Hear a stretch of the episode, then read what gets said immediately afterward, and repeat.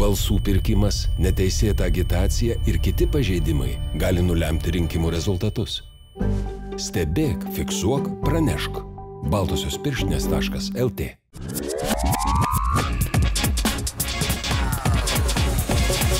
Sveiki, kova dėl mandatų. Iš tikrųjų dėl vienmandatės ir šį vakarą dėl vienmandatės verkių 12 apygardos. Laisvės televizijos rengiamoje laidoje šiandieną dalyvauja Gediminas Jaunius, Laisvės partija, Vaida Baranovė, Lietuvos socialdemokratų partija ir Vytautas Gapšys, darbo partija. Šios laidos temos yra klimato kaita ir prevencija, informacinės visuomenės plėtra ir galimybės, taip pat kultūra ir kūrybos ekonomika. Pradėkime nuo gamtos. Europos komisijos pirmininkės Ursulos von der Leyen pristatytas siūlymas iki 30 metų 55 procentai sumažinti taršą Europoje yra ambicingas ir Lietuvai įveikiamas, sako Saulis Kvernelis. Ką Jūs galvojate apie tai, kaip Lietuva turėtų prisidėti prie klimato kaitos prevencijos ir ką turėtų padaryti? Jaunių. Keletas dalykų, ką iš karto noriu akcentuoti iš Laisvės partijos programos. Tai pirmiausia, miškai. E, matome, kad 40 procentų per 10 metų turėtų būti užauginta atgal miškų teritorija. Dabar yra berods. Per 10 metų tiek neužaugs. Atstatyti per tiek laiko, taip. Tada Kitas dalykas, mūsų dėmesys yra nukreiptas į miestus, kad jie būtų žalesni, arčiau į parką panašus negu į betono džiunglės. Tai čia ir darnaus judumo programos įgyvenimas. Vilniaus miestas turi darnaus judumo planą, pagal kurį sklandžiai juda į priekį tiek atnaujinant ir viešai transportą, tiek dėgiant uh, dviračio takus ir apskritai prioritetizuojant pėstų judėjimą pėsčiomis, judėjimą dviračių mieste pirmiau negu važiavimo automobiliu, tai visi šitie kompleksiniai dalykai, jie man atrodo esmingai gali pagerinti mūsų situaciją ekologinę šiandien. Ir galbūt tokie pagrindiniai akcentai, kuriuos norėčiau dabar paminėti. Vaida, ar jūs sutinkate, kad e, tos partijos žmonės, kurią čia atstovaujate Gediminas Jaunius, kaip tik tai viską taip ir darė, kad būtų daugiau medžių, mažiau trinkelių, bent jau Vilniuje? Um, daugiau medžių, mažiau trinkelių aš nežinau, žinau, kad aš nesu nesu sužavėta Vilniaus savivaldybės sprendimu, kuomet buvo įsigyta nemažai autobusų, kurie buvo visiškai, nei, nu, jie buvo tiesiog benziniai autobusai, jie visiškai nauji, kas reiškia, kad mes juos dabar turėsime ilgą laiką eksploatuoti, tai reiškia, mes išėjome nuostolį. Tai yra problema. Aš nežinau, aš... aš ar aš galėsiu reaguoti? Tai žinoma, tai bet galėsim vaidai pasakyti, ar jau... Jo, čia šitas dalykas, bet aš tada gal galėčiau pratesti prie apskritai Lietuvos, Lietuvos uh, Kadangi Europos žalesis kursas yra labai ambicingas ir aš pritariu, kad mes tikrai turime priemonės jam įgyveninti, bet mes turime įsikelti aukštesnius tikslus. Ne, tarsi be abejo, miškai 10 procentų išaugimas miškų yra labai svarbu, bet taip pat turim daryti daug kitų dalykų. Tai pirmiausia, mes turim labai plėtoti atsinaujinančią energetiką ir mes turim, tam, pas, tai mes turim tam labai rimtų planų. Dėl to, kad energetikos ministerija jau e, yra paruošusi visą įstatyminį paketą, kad mes galėtumėme vystyti Baltijos jūros e, vėjo turbinų parką, kuris mokslin, Klaipėdos mokslininkų teigimu galėtų iki 2030-ųjų generuoti netgi iki 30 procentų visos Lietuvai reikalingos energijos. Ir šitas dalykas yra įtrauktas į nacionalinį energetinės nepriklausomybės um, dokumentą. E, toliau be abejo yra labai svarbu investuoti į mokslinius tyrimus ir tai pabrėžia taip pat ir Ursula von der Leyen ir taip pat e, vėlgi Lietuvos energetikos ministerija taip pat apie tai kalba, nes šiuo metu mes esam pozicijoje, kurioje mes iš tikrųjų galime, mes galime atsistoti lyderio poziciją, jeigu mes investuosime į pakankamai didelį kiekį mokslinių tyrimų, kurie mums leis e, komerciniais būdais pritaikyti naujausias technologijas. Tai reiškia vandenilį, e, kūro baterijas, tai kūro elementus, alternatyvų kūro apskritai, energijos pasaugojimo, energijos pasaugojimo metodus ir taip toliau. Tada be abejo mes turim stabdyti žaliai, politikai e, prieštaraujančias investicijas. Viena iš tų investicijų šiuo atveju be abejo yra tie, tie autobusai. Ir, e, visa, ir kitaip organizuoti viešosius pirkimus, kas reiškia, kad mes turim pirmiausia žiūrėti būtent į žalumą, į tvarumą. E, taip pat dar yra kitas tikslas įvesti nulinį PVM e, ž, e, produktams ekologiškų ūkių, Čia dar yra šalia socdemų tikslas 9 procentų PVM maisto produktam, bet 0 e, procentų PVM ekologiškų ūkių produkcijam. Ką tai duoda? Tai duoda du dalykus. Tai katalizuoja, galimy, tai katalizuoja Lietuvos ūkio, ūkio ekologiško vystimasi ir šitaip mes galim ir suteikti motivacijos ūkininkams keisti savo įpročius ūkininkavimo ir taip pat žmonėms suteikti motivaciją keisti savo gyvenimo būdą. Dėl to, kad joks žalesis kursas negali būti pilnai išpildytas be, be žmogaus gerovės. Tai nėra tik tai į planetos gerovę orientuotas dokumentas. Tai yra lygiai taip pat į žmonių gerovę orientuotas dokumentas. Taip pat siekis yra, kalbant apie ūkį, stabdyti cheminį pesticidų naudojimą, pereiti prie, prie biologinių pesticidų, plėtoti žiedinę ekonomiką, kas, manau, aktualu ir būtent savivaldybėse. E, tada pereiti be abejo prie žaliojo transporto, bet siekis yra ir daugiau elektromobilių, ir daugiau hybridų. Ir pasirūpinti, kad visas, visas viešasis transportas iki 2050 metų, be abejo, būtų geriau, kad tai vyktų anksčiau, iki 30 būtų nulinės emisijos. Ir Gal mes tada leiskim ponui Gedimino Jaunio atsakyti ja. dėl tų autobusų, čia turbūt apie tuos dujomis varomus už 13 milijonų eurų. Kadangi esu miesto ūkio ir paslaugų komiteto pirmininkas pavaduotojas ir tiesiogiai dalyvauju šituose sprendimuose komiteto ligmenyje, tai uh, Nekartą turėjau, buvau diskusijose, kai mes iš tikrųjų turėjome diskutuoti ir spręsti, kodėl vienoks ar kitas kelias pasirinkamas. Ir kartais ant popieriaus žalesnis variantas nebūtinai yra žalesnis e, realybėje. Ir vad ką jūs pati sakote, keisti žmonių įpročius. Norint mes pakeisti žmonių įpročius, pirmiausia, turime juos pakviesti daugiau naudotis viešuoju transportu, kuo mažiau naudotis automobiliais mieste. Jeigu mes dabar už tuos pinigus, kuriuos turime, nupirktume e, elektra varomus, pavyzdžiui, autobusus, jų kiekis būtų gerokai mažesnis negu ekologiškų, tvarkingų, bet ne iki galo ekologiškų, ką jūs kritikuojate dabar, ar ne autobusų, kuriuos turime šiandien. Bet iš esmės autobusų parko atnaujinimas, jisai daro didžiulį esminį pokytį mūsų vartojimo įpročiuose. Tai yra vienas dalykas ir tiesiog trumpą remarką pritardamas Vaida jums. Dėl mokslinių tyrimų. Taip, mes visiškai pritarėme, kad mokslinių tyrimų skatinimas yra vienas iš kelių mums tapti vis žalesniais ir Laisvės partija 3 procentus nuo BVP siūlo būtent moksliniams tyrimams alokuoti valstybės biudžete. Gerai, dabar jau laikas būtų leisti tarti žodį Vytautui Gapšiai. Dėkuoju, iš tikrųjų sutinku, kad tos priemonės gražiai skamba daugelis ir dalis jų net ir veiksmingos, bet e, pasižiūrėkime jų kainą ir tą, ką pradėjo Gediminas Jaunius, ar tikrai jos yra tokios žalios, kaip jos yra reklamuojamos. Autobusai šiaip yra pakankamai ekologiška priemonė, nepaisant jų taršos, bet jie perveža daug žmonių. Tai yra, tu judi ir tai yra miesto judumo dalis. Bet jeigu pasižiūrėsime tą problemą taip jau realiais skaičiais, tai kas klimato kaitą generuojantis dalykai yra? Pramonė, natūralu, pramonė išmeta teršalus ir panašiai. Taip, tai yra transportas, bet tai transportas yra visumoje kur mes turime ir automobilių parką, krovininių transporto priemonių parką, žemės ūkis. Mes nei vienas nekalbam, kad ta pati ES viena ranka sako, mes skatinam žalėją ekonomiką, bet tuo pačiu nekalbam apie žemės ūkį, kuris e, yra vienas didesnių taršos šaltinių ir tai yra tie, kurie išmeta tas būtent klimato kaitą skatinančias dujas. Tai šitoj vietoj duodam lyg ir pinigus, dotacijas, kad jūs e, imkite ir daugiau darykit, o kitoj vietoj sakoma, kodėl pas mus klimato kaita keičiasi. Tai šitos dalykus kiekvieną reikia paskaičiuoti. Vėjo parkai, pavyzdžiui. Visiškai sutinku, kad labai gražiai skambantis dalykas ir iš tikrųjų gali aprūpinti Lietuvą energijos poreikių, Lietuvos energijos poreikius, bet turbūt negirdėjote, šita vyriausybė spėjo priimti sprendimus, kurie praktiškai tų parkų steigimą kaštus, dalį tų kaštų perkels į mūsų viepą. Tai yra elektros energijos kaina kai kuriais atvejais kils ir tai yra šimta milijoninės lėšos, nes reikia infrastruktūros. Tu gali pastatyti vėjo jėgainės, bet tau reikia perdavimo linijų. Tai šitoje vietoje mes turime žiūrėti į viską labai globaliai ir a, negalim pasakyti, kad viena vat, vėjo jėgainių parkas jūroje mums įspręs problemas. Jis lyg ir duotų energiją, bet mes jos nepaimsim. Tai šitoje vietoje darbo partija, kai kalbam, tai mes kalbam apie tvarę energetiką tai ne visada kalba eina apie patį gal žaliausią popieriuje modelį, bet tai yra, kad ir kaina tiktų Lietuvos vartotojams, kad jin atitiktų europinius standartus, tai yra tuos ekologinius standartus ir kad jinai būtų tvari. Tai va šitoje vietoje mes, man atrodo, turim kalbėti ne atskirais pavyzdžiais, o visų, visą apimančių požiūrį. O galit dėl viso pikto vieną kitą trečią pavyzdį paminėti bendu? Apie ką jūs? Apie tą žalę popieriuje, ekonomiškai pagristą ir naudingą ir tvarų. Mes kalbame apie tai, pavyzdžiui, tas pats vėjo jėgainių parkai, mes esame už, jeigu iš ES, pavyzdžiui, gauname galimybę sutvarkyti elektros linijas.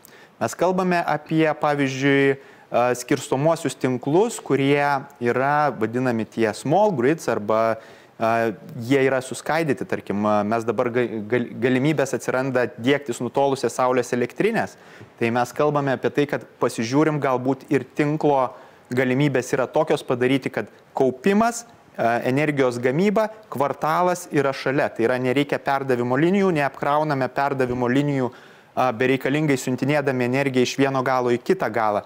Tai yra būtent tas, kas susiję ekonominę naudą, susiję žalėją energetiką ir susiję valstybės interesus, tarp jų ir nacionalinio saugumo. O jeigu negaunam tų pinigų, kaip jūs sakote, iš ES, nors patys esame ES? Reikia žiūrėti, galbūt mums elektrą labiau apsimoka pirkti iš hidroelektrinių Švedijoje, ką mes ir dabar darome ir šiuo, šiuo atveju galbūt nereikia statyti savo infrastruktūros.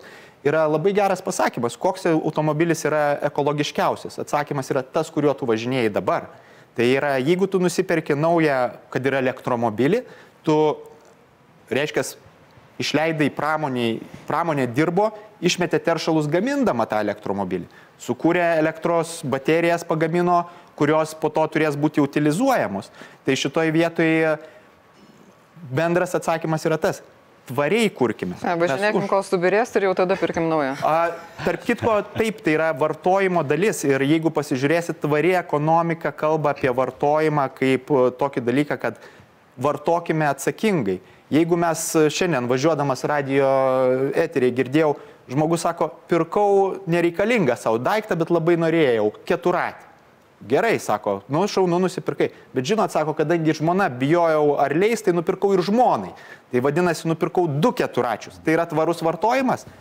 Ir jis nei vienu juo nevažinėja, gal ir neužteršia, bet pagaminti tą keturatį. Tai buvo naudojama ir energija ir visa kita. Būtų visai smagu, kad mes taip nelabai toli nuo temos nueitume. Mm. Mačiau, kad nori replikuoti abu ir Vaida, ir Gediminas. Bet jeigu galima replikos, tegu būna trumpos, gerai? Uh, pagrindinė replika yra ta, kad mes jūs dabar siūlot mums pirkti iš ten ir ten ir apskritai aš pastebėjau, kad darbo partijos šūkis galėtų būti taip, bet. Ir jūs laiką pridat, bet, bet, bet. Mes šiuo atveju labai gerai pasakė Naomi Klein savo knygoje On Fire uh, austerity means extinction. Mes nesame situacijoje, kada mes galim sėdėti ir mąstyti, kaip mes ką pataupysim. Planeta dega, reiškia jinai dega.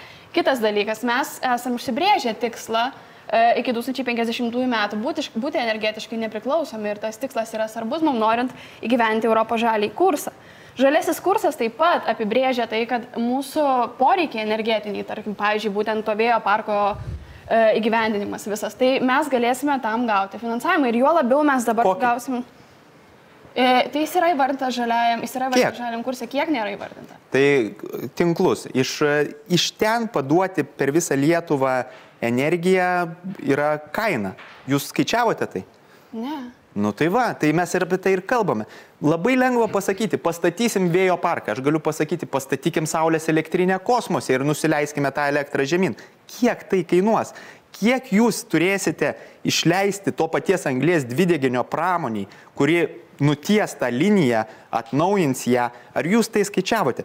Vartojimas yra, nu, ne šiaip savo mes perkame autobusus, kaip ir sako Gediminas, ne šiaip savo mes perkame autobusus, mes skaičiuojame, kiek tas autobusas tarnaus, kiek perveš žmonių, kiek tas bus užterštumas. Ir kartais tas autobusas yra, kaip ir sakoma, ekologiškesnis negu tas, kuris yra elektrinis. Tai šitoje vietoje skaičiuokime iki galo. Tai va taip teisingai darbo partija sako, kuris mažesniam sąnaudom nuvažiuos toliau, turiu galvoje sąnaudas teršimo. Gerai, gal baigim su tuo, nes labai įstrigom ir toli nenueisim. Eikim prie informacinės visuomenės plėtros ir jos galimybių. Atviri duomenys. Šiandieną Lietuvoje daugiau duomenų yra paslėpiami e, negu atveriami, prisidengiant asmens duomenų apsaugą. Ir e, nepaisant e, visų raginimų ir siūlymų tą daryti, Lietuva yra viena blogiausiai savo viešuosius duomenis atverianti valstybė. Ką konkrečiai jūs siūlytumėt, jeigu siūlytumėt dėl tų duomenų atverimo, nes tai yra suskaičiuota, kad tai atneštų labai konkrečiai išreikštą ekonominę a, naudą Gediminai? Tai keletas dalykų. Pirmiausia, problemos įvardinimas, tai didžiausia problema, kurią mes turime. Tai problema visi supranta, jos vardinti nebereikia. Duomenys nėra taip, atveriami taip, kaip turėtų būti. Taip, tai čia yra problema generalinė, bet kita problema, iš ko ateina pagrindinis iššūkis, tai yra kad mes turime daug skirtingų e, platformų, kuriomis e, valstybės institucijos naudojasi ir skirtingų portalų, kurie neturi tarpusavę nesąveikoje ir duomenys nėra vienoje sistemoje iki šiol. Tai vienas dalykas yra nepatogus e, jų naudojimas, kitas dalykas, kad yra didžiulė elektroninė biurokratija besiformuojant ir mes tame matome didelį iššūkį. Ir apskritai Laisvės partija akcentuoja, kad daugybė viešųjų paslaugų turi būti perkelta į e-erdvę. Tai... Kokių? Prašau. Kokių paslaugų turi? Įmonės teigimas. Uh, yra. Jos neveikia sklandžiai dabar. Veikia. Nu, neveikia, iš tiesų. Gerai, einam toliau. Kas pat, norės, galės patikrinti. Lygiai taip pat yra problemos tos, kad kai e, dabar žmogus kreipiasi tarsi elektroniniu būdu, keliauja į vieną įstaigą, iš jos gauna atsakymą, po to kreipiasi į kitą, vėl tie duomenys nėra susiję, vėl kartojasi dokumentų paieškos ir procesas, elektro, nors tarsi teoriškai yra elektroninis, jisai vyksta labai painiai, labai ilgai ir nesklandžiai. Ir ta biurokratija, kuri yra pas mus nuo langelio prie langelio, tuo pačiu yra dabar duplikuojama ir elektroninėje sistemoje. Tai iš esmės vieno, vienos sistemos turėjimas ir jos sklandumas išspręstų labai daug biurokratinių iššūkių. Gal leidžiam Vytautui iš karto replikuoti, kad gal sugaišim mažiau laiko. Taip, Lietuva iš tikrųjų padarė nemažai žingsnių, steigdama elektroninės paslaugas ir įmonės steigimas vyksta beje pakankamai sklandžiai, ypač mažų, kur nereikia reikia labai specifinių dalykų, bet sutinku, kad yra sričių. Tarp jų notarinės paslaugos. Pavyzdžiui, gyvenamųjų namų bendrijos teigimas elektroniniu būdu nėra įmanomas. Mes galime mokyti vaikus Zoom'u, bet susirinkimo suorganizuoti elektroninėje erdvėje mes negalime. Turime arhaiškai surinkti visus prie namo kiemo, visi turim pakelti rankeles, notaras negali priimti ne tik to, kas yra įstatymė, yra numatyta, tai yra elektroninis parašas yra pripažįstamas lygiaverčių paprastam parašui, tai yra ir šitą įstatymą. Bet kai skambini notarui ir sakai, jeigu gyventojas pasirašys elektroniniu būdu, ar jūs priimsite, jis sako, atsiprašau, ne, nes aš negalėsiu perduoti registrų centrui. Va būtent apie tokias kliūtis mes tikrai kalbame, bet tai yra, aišku, svarbus dalykai, bet jie yra smulkmenos. Tai, apie ką mes pradėjome, duomenų atvėrimas, yra čia, kur yra ekonominė nauda. Tai yra šimtai milijonų, yra valstybės kontrolės net atliktas auditas. Ir Vytau, yra, tai taip, mano klausimas yra, ką siūlytume daryti. Tai pirmas, pirmas, pirmas dalykas tai yra, ką mes siūlysim daryti, tai yra duomenys atverti galima net verti galima tik tais tuo atveju, jeigu yra teisinis pagrindas, kurį turi nurodyti institucija.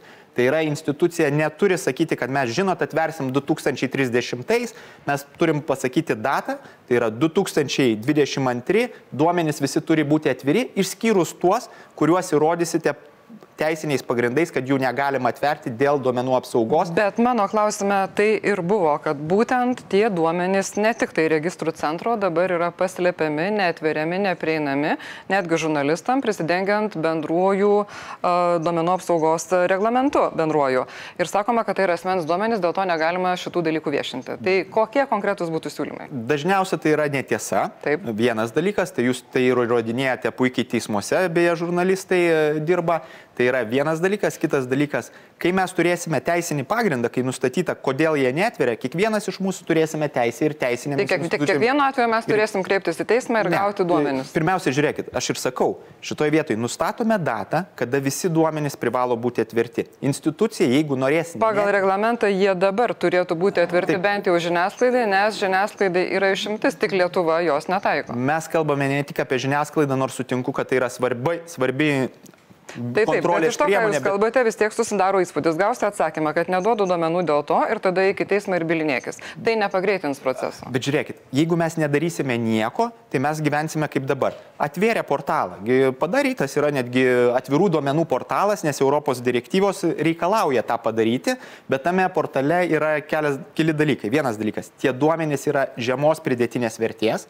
Pirmiausia, jie yra nesusisteminti ir nepadaryti kaip e, tie vadinami APIs, kur galėtum tuos duomenys lengvai panaudoti įvairiems kitiems tikslams. Tai yra jų kokybė, ne tik e, atverimas, bet ir kokybė. Bet pradžiai, jeigu kalbam apie atverimą, tai mes sakome, aiškus terminas ir turi būti aiškus pagrindas, kodėl neatveria, kad mes galėtume tai patikrinti. Nes šiuo atveju, jeigu jūs e, kaip žurnalistai, taip, jūs kažkokiu duomenų nerandat ir jūs skundžiatės, bet tai yra pavienis atvejis, mes su tokiu atveju gyvensim dar 20-30 metų, kol atsiversim. Taip, bet ar mes tikrai greičiau nueisim kur nors, jeigu tokiu atveju turėsim ne pavienius nuo redakcijų, o nuo tūkstančio, tarkime, eilinių piliečių? Vaida, gal jūs turit konkrečių siūlymų, kaip padaryti, kad tie duomenys būtų prieinami ir, na, įdarbinami, nes tai gali sukurti darbo vietas ir generuoti mokėti pinigus. Mes esame irgi pakankamai abstrakčiai apibrėžę, kad tie duomenys turi būti atverti, turi būti atverti žodžiu. Kas nesutinka? Bet, nu tai būtent kas nesutinka su to, visi sutinka su to. O kaip? Klausimas yra, aš nežinau, manau, kad turbūt reikėtų įstatymiškai šitą dalyką normaliai reglamentuoti. Nu mes neturim kito kelio, tai aš, ne, aš nežinau, ar yra kitas kelias. Mes tai Laisvės partija siūlome Chief Technology Officer pareigybę įvesti, kuris prižiūrėtų būtent duomenų visą šitą atverimo klausimą ir tokiu būdu užtikrintų jo saugumą. Tai yra vienas iš konkrečių pasiūlymų, kaip tai galėtų veikti. Bet, Bet mes visada mes... turim instituciją dabar. Mes visą instituciją turim, kurie tuo dirba ir to užsiema. Ir mes kalbam, aš ne prieš. Kalbame apie kito lygmens, ta prasme, pareigūnų. Nu, aš ne prieš, bet tai yra elementariai. Ombudsmeną dėl, dėl, dėl duomenų atvėrimo. Galima diskutuoti ir tikrai neprieštaraučiau, ta prasme, tikrai tai būtų galbūt diskusija, kai vienas žmogus yra atsakingas, kartais nuveikiama daugiau negu yra dvi institucijos atsakingos. Tai su tuo sutinku, čia yra biurokratinės turbūt žaidimo taisyklės, bet mes turime tuos instrumentus ir tą pačią parlamentinę kontrolę, mes kur tikrai galime judėti, mes manau, kad turėsime ir, ir europinę kontrolę, nes kaip ir mes sutinkame, tai yra direktyvos, kurios numato, kad mes tai turim padaryti ir reikės jų įgyvendinimą pristatyti europinėms institucijoms. Bet kaip aš ir sakau, nusistatykime konkrečias datas ir nusistatykime procedūrą, kaip ne tik žurnalistai galėtų tai apskūsti. Ne, tai būtent, tiesiog čia buvo kaip pavyzdys, kad mes negalim gauti. Kokia konkretiai jūsų data būtų siūloma? Aš siūlyčiau 2022. Aš irgi turiu datą, čia dabar populiarus terminas yra vakar. aš, aš irgi norėčiau, kad tai būtų buvę už vakar, bet, bet, bet žinot, stengiamės grįžti į realybę.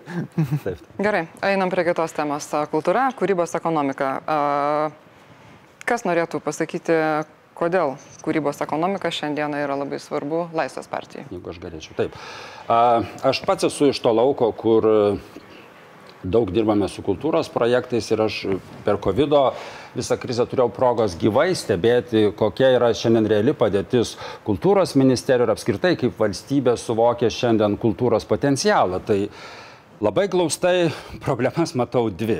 Pirma yra, kad pati kultūros ministerija iš esmės yra paralyžiuota tokio nomenklatūrinio mąstymo ir akivaizdu, kad ten labiausiai reformų stokojama, nes tai yra maža ministerija, mažai politiškai įtakinga, dažnai liekanti dalybose paraštėse, niekada nebuvo prioritetizuota, dėl to ministrai, kad ir kiek besikeistų, iš esmės nomenklatūrinė struktūra ten veikia savo vaga ir mažai ten pokyčių. Ką jūs savo vaga veiktumėte? Na, pirmiausia, aš tikrai siekčiau esminės kultūros ministerijos pertvarkos tiek struktūrinės, tiek siekiant, kad ministras būtų geras pirmiausia vadybininkas, o po to kultūringas žmogus. Bet gal vienas iš tokių konkretesnių dalykų, kas man atrodo būtų reikalinga, tai dalį e, ekonomikos ir inovacijų biudžeto skirti kultūros ministerijai kartu su uždaviniais į kultūrą pažvelgti kaip į kūrybos ekonomiką. Kitaip tariant, dabar mes kultūros, iš kultūros ministerijos turime politiką suskirstant meną į aukštą ir žemąjį ir, reiškia, svarbu e, profesionalų ir mėgėjišką, privatus sektorius ten net nepatenka, o NVO yra įstumtas į tokį, na, rankos bučiavimo santykių, kur jeigu būsi labai geras ministrui, tai gal kažkokį per projektą dalyką ir gausi. Gerai, jeigu rankos. Vaida, ar jūs uh, pritarėt prie tokio, na, Gedimino jauniaus suskirstamo pateikto? Dėl tos profesionaliosios kultūros ir saveiklinės mėgėjiškos labiau. Nežinau, aš nemanau, kad, savi, kad skirstimas yra iš tikrųjų didžiausia mūsų problema šiuo metu kultūros laukia. Mes turime jų turbūt ir gerokai komplikuotesnių. Pavyzdžiui, viena iš problemų yra tas, kad Mes, pavyzdžiui, Vilniuje turime labai daug visokių nacionalinių kultūros institucijų, sakykime, nacionalinis teatras, nacionalinė galerija ir taip toliau. Mes dar finansuojam e, nacionalinės šitas kultūros įstaigas, dar atskirai dar finansuojame Vilnių kaip po miestą ir tada iš savivaldybės ir dar Kaunas. Ir kažkaip taip gans, dabar nepasakysiu tiksliai kaip yra, bet kad e, Kaunas, e, Kauno, pavyzdžiui, savivaldybė moka dide, didže, didesniam kiekiui kultūros darbuotojų negu, negu Vilnius ir Klaipėda kartu sudėjus, dėl to, kad vėlgi finansuojama yra vienaip iš vyriausybės, kitaip iš savivaldybės. Tai mūsų tikslas yra, kad tvarkingai sudėlioti, paskirstyti aiškiau kultūros lauko finansavimą, ką daro savivaldybė, ką daro vyriausybė ir, ir taip toliau. Ir šitas yra vienas, vienas iš esmingų punktų. Ir toliau dar nežinau, um, yra daug dalykų, kuriuos mes norim padaryti su kultūra. Vienas iš esminių dalykų, ką socialdemokratai žada, kadangi mes esame programai kultūrą įsirašę kaip e, prioritetą, tai iki 2024 metų skirti jai 2 procentus BVP.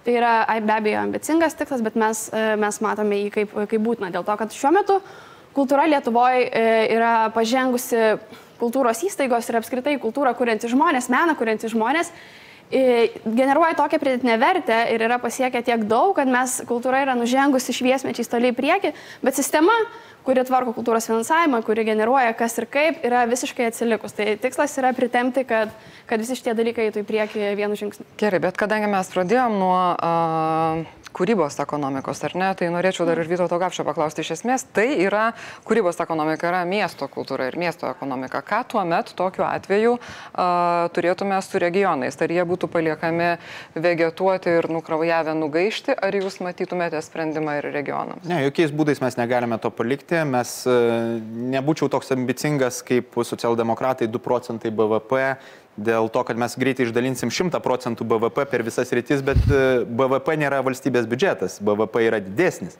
Tai šitoje vietoje yra labai, e, labai drąsu, tikrai galim diskutuoti apie didinimą ir panašiai, bet e, čia mes turime suprasti, kad mes neturime konkuruoti tarp miestų ir regionų ir tai nėra konkurencija. Visiškai sutinku, kad turi būti aukšto lygio meniniai pasiekimai skatinami ir tai reprezentuoja ir Lietuvą, bet mes turime ir tuos pačius kolektyvus, kurie gyvena ir dirba ir provincijoje. Ir Gediminas Jaunius gali pasakyti, turbūt yra labai gražių festivalių, kurie turi gilias tradicijas, pavyzdžiui, Oginskio festivalis Plungėje. Tai e, su tikrai giliomis tradicijomis, daugiametėmis, tiesiog jam reikia šiek tiek paskatų. Tai mes kalbame apie tai, kad taip mes jiems turime skirti finansavimą ir nesupriešinti taip, kad yra jūs turit pasiekti tokį lygį kaip Vilniuje ir tada jūs tik tais gausite finansavimą mes turime numatyti atitinkamus kriterijus. Kad... Kokie galėtų būti būtent tie kriterijai, nes labai yra lengva pasakyti, na, duosim pinigų visiems, kas nori kažką prasmingo nuveikti. Kaip apibriežti ir kas apibriež, kas yra tie prasmingai ir efektyviai, naudingai ir dėl to turėtų gauti finansavimą. Tai čia žinoma, vykdomosios valdžios turi būti kompetencija dėl to, kad mes parlamente nu, tikrai nesusitarsime, to mes galime susitarti principus, kryptis, bet vykdomoji valdžia tą atlieka darbą ir dabar tas finansavimas eina per vykdomąją valdžią. Tai mes čia turime užtikrinti parlamentinę kontrolę, kad tai pasiektų tuos tikslus. Mes turime užtikrinti tvirtindami valstybės biudžetą, kad tam būtų numatytos reikiamos lėšos. Ir mes turime tiesiog bendrauti su tai žmonėmis ir įsiklausyti tą nuomonę. Kas turi konkrečių pasiūlymų, kaip tą finansavimas yra tikroji kultūros problema ir aš nesutikčiau, kad kažkokio tai BVP procento skirimas tą problemą išspręs. Man atrodo, kad Pirmiausia dalykas tai finansavimo kriterijų aiškumas ir yra pagrindinis iššūkis. Kitaip tariant, ne pinigų trūkumas, bet prasmingas ir teisingas jų panaudojimas. Kitas dalykas yra, kad nukreipimas į projektinį pinigų skirstimą per projektinę veiklą, tai yra turbūt raktas, kaip efektingai panaudoti. Bet vienas iš politikos dalykų, na mes kalbam ar ne apie parlamentinio ligmens dabar iššūkius, tai apskritai nustoti valstybės lygių skirstyti meną į aukštą, suprasti reiškia yra vidutinis ir kažkoks žemasis. Menas turėtų būti skirstumas pagal žanrus. Ir tada taip, regionus, vad kaip buvo paminėta, regionų kultūros klausimas, ką mes, Laisvės partijos komanda, sakome, tai kad meno prieinamumas, kultūros prieinamumas, prieinamumas yra tas iššūkis, su kuriuo mes turime tvarkytis. Kitaip tariant, kad tu gyvendamas toje pačioje plungėje, kaip jūs gerai paminėjote, ne tik tais kartą per metus turėtume gerą e, festivalį, bet ir pas tave atvyktų aukšto lygio, e, geros kokybės meniniai kultūriniai projektai. Lygiai taip pat čia yra susiję kultūra su susisiekimu, kad mūsų mažesni regionai turėtų gerą susisiekimą su centrais, nes mes negalėsime sukurti kiekviename rajone po nacionalinį, reiškia, operos ir baleto teatrą ar kažkokią panašią įstaigą. Ar tikrai reikėtų, Vaida? Aš tik tai vieną dar e, pastebėjimą, jūs problema nėra tik persirkimas, problema yra pinigų trūkumas. Mes nekalbam tik tai apie tuos kultūros, e, tą, tą kultūros dalį, kurie kuria tą meną aukštą į neaukštą, jokio skirtumo. Mes kalbam apie bibliotekininkus, mes kalbam apie muziejininkus. Jų atlyginimai šiuo metu yra visiškai neadekvatus. Taip, bet tai nėra problema piniguose, yra problema, kur tie pinigai išleidžiami. Dabar mes kišame pinigus į betoną ir infrastruktūros išlaikymą užuot investavę į žmonės. Mes kalbam apie tai. Man buvo labai smagu girdėti, dėkui Jums už Jūsų laiką, kalbant apie kultūros ir meno prieinamumą. Tai norėčiau norėčiau nuleisti ne iš kosmoso, kaip Vytauto Gapšio minėta Saulės elektrinė, bet uh, iš Vilniaus savivaldybės tokių labai konkrečių pavyzdžių. New Yorko metropolitano muziejus dabar rūpinasi padaryti kuo daugiau uh, parkavimo vietų dviračiams, kad žmonės galėtų kuo pigiau ir ekologiškiau uh, aplankyti muziejų. Vilniaus savivaldybės taryba neleidžia dviračių vežtis autobusuose, nes nemato tam didelio reikalingumo. Tai aš tikiuosi, kad dalykai pasikeis. Kokiam komitete dirbtumėte, jeigu būtumėt išrinkti į Seimą? Turbūt prioritetas būtų Komiteto pavadinimą, prašau. Komiteto pirmininko kėdė. O, ačiū. Vaida Aplinkos apsaugos komitetas. ir Vytautai. Biudžeto finansų. Dėkui, čia tas signalas yra mums. Ir dar viena žinia yra visiems tiems, kas nori ir gali prisidėti, kad rinkimai būtų skaidrus. Baltosios pirštinės jau registruoja savanorius stebėti rinkimus visoje Lietuvoje. Nuorodą rasite laidos aprašyme. Ir iš karto ačiū visiems ir už jūsų laiką skirtą demokratijai, kaip ir ačiū tiems, kas skiria pinigus Laisvės televizijai. Šitas laidas rengiame be vyriausiosios rinkimų komisijos skirstomų pinigų ir dėl to be jos nurodymų. Dėkui ir iki.